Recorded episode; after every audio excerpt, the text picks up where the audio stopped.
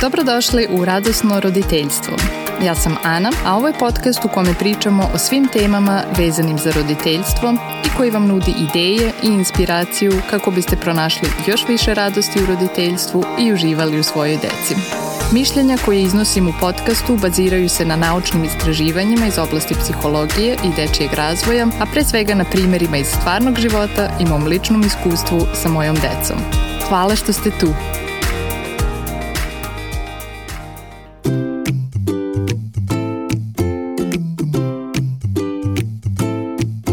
Danas ćemo pričati o džeparcu. Pre nekoliko godina sam pročitala jako dobru knjigu na ovu temu, suprotno od rasipništva od Rona Libra, koja govori o tome kako da naučimo decu da raspolažu novcem, kako da ih naučimo vrednosti novca, kako da ih naučimo kako da troše, štede, zarađuju i jednostavno kako da ih naučimo da donose pametne odluke kada je u pitanju novac. I puno ideja iz ove knjige smo nedavno počeli da primenjujemo u našoj porodici. Prvo pitanje je da li deci uopšte treba davati džeparac. Džeparac pruža deci odličnu mogućnost da počnu da uče kako da se ophode sa novcem. Kada dete dobija jednu malu određenu sumu svake nedelje, ono upoznaje štednju kao koncept, uči da donosi odluke, počinje da razmišlja šta želi i šta može da kupi, osjeti kako je kada je za nešto štedelo i to uspelo sebi da kupi, ima mogućnost da posle te kupovine razmisli da li je to bio najbolji način da potroši pare i slično. Da bi deca naučila da se ophode sa novcem, potrebno da imaju puno prilika da isprobaju da uštede novac, da ga potroše. Možda će ponekad to biti i bolno iskustvo jer su kupili nešto u vezi čega su se posle predomislili ili što se brzo pokvarilo ili su izgubili novac jer ga nisu vratili na predviđeno mesto. Sve su to praktične iskustva koja pomažu deci da nauče vrednost novca i odgovornost prema novcu i da naprave greške bez većih posledica. Još jedna pozitivna strana džeparca je da dete kroz džeparac ima priliku da vežba matematičke veštine, sabiranje, oduzimanje, koliko novčanica mi je potrebno da kupim to što želim, koliki će kusur biti. Džeparac je odlična prilika da pričamo o matematici na konkretan i zabavan način. Kada početi sa davanjem džeparca i koliko davati? Mi smo sa davanjem džeparca počeli oko četvrte godine, tada su naša deca pokazala radoznalost u vezi sa novcem, počela su da postavljaju pitanja i pokazala su želju da sebi u prodavnici nešto kupe.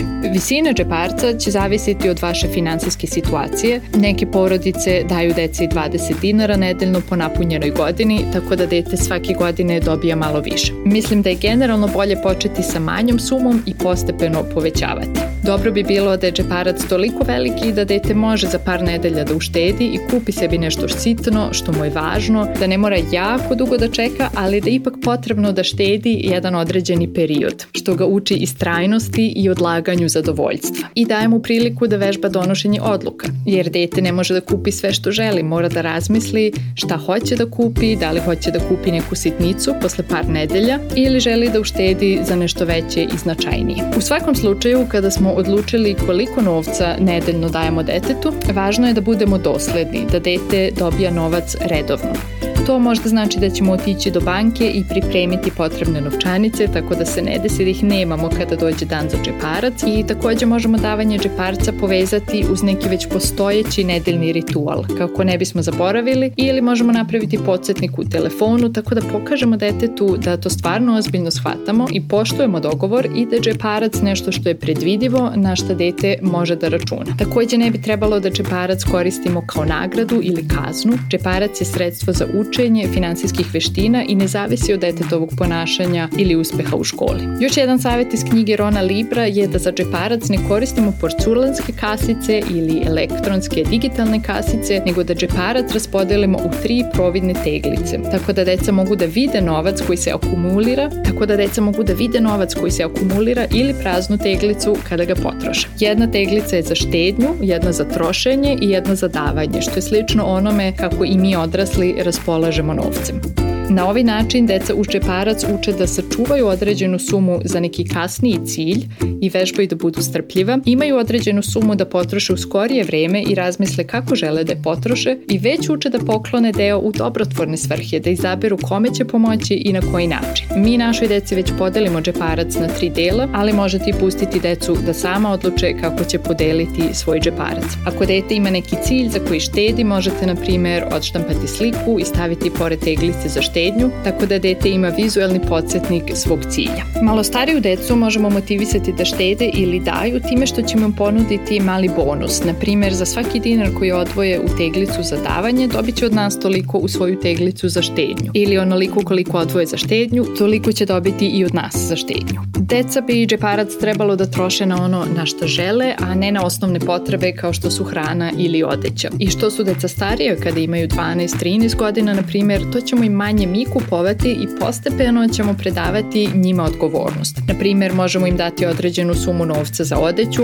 objasniti kako smo došli do te sume, zašto mislimo da je to dovoljno i onda prepustiti njima da time raspolažu i eventualno snose posledice svojih pogrešnih odluka. Malo starijoj deci možemo i pomoći da nađu posao koji odgovara njihovom uzrastu i interesima i omogućiti da osete uloženi trud u zarađivanje. I na kraju pričajte sa decom o novcu, naravno primereno njihovom uzrastu. Što su deca starije, to ćemo im ponuditi više informacije. Pričajmo o našem poslu, kako zarađujemo novac, na šta trošimo, koliko su naši mesečni troškovi, za šta štedimo, kome poklanjamo novac, da li smo nekada imali neki dug i kako smo ga otplatili. Kada smo zajedno sa decom u prodavnici možemo iskoristiti priliku da pričamo o cenama, o tome koliki je naš budžet i kako odlučujemo šta ćemo kupiti, tako da dete ima uvid u naš način razmišljanja u vezi sa novcem. I pri tome ćemo možda primetiti da i kod nas samih ima prostora za usavršavanje naših finansijskih veština. Dobro je i da razmislimo šta očekujemo od dece u vezi sa novcem, kada očekujemo da počnu da zarađuju. Ako u prodavnici vide nešto što im se dopada, da li ćemo im to samo kupiti ili očekujemo da za to uštede ili ćemo možda to upisati na njihovu listu poklona za rođendan ili novu godinu.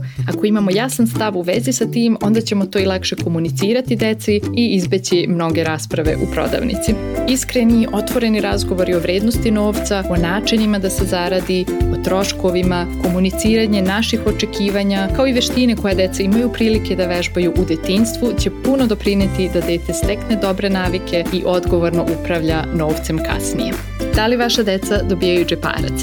Javite nam u komentarima uz ovu epizodu na web stranici radosnoroditeljstvo.com I takođe, ako mislite da bi ova epizoda nekome mogla da koristi, podelite sa vašim prijateljima.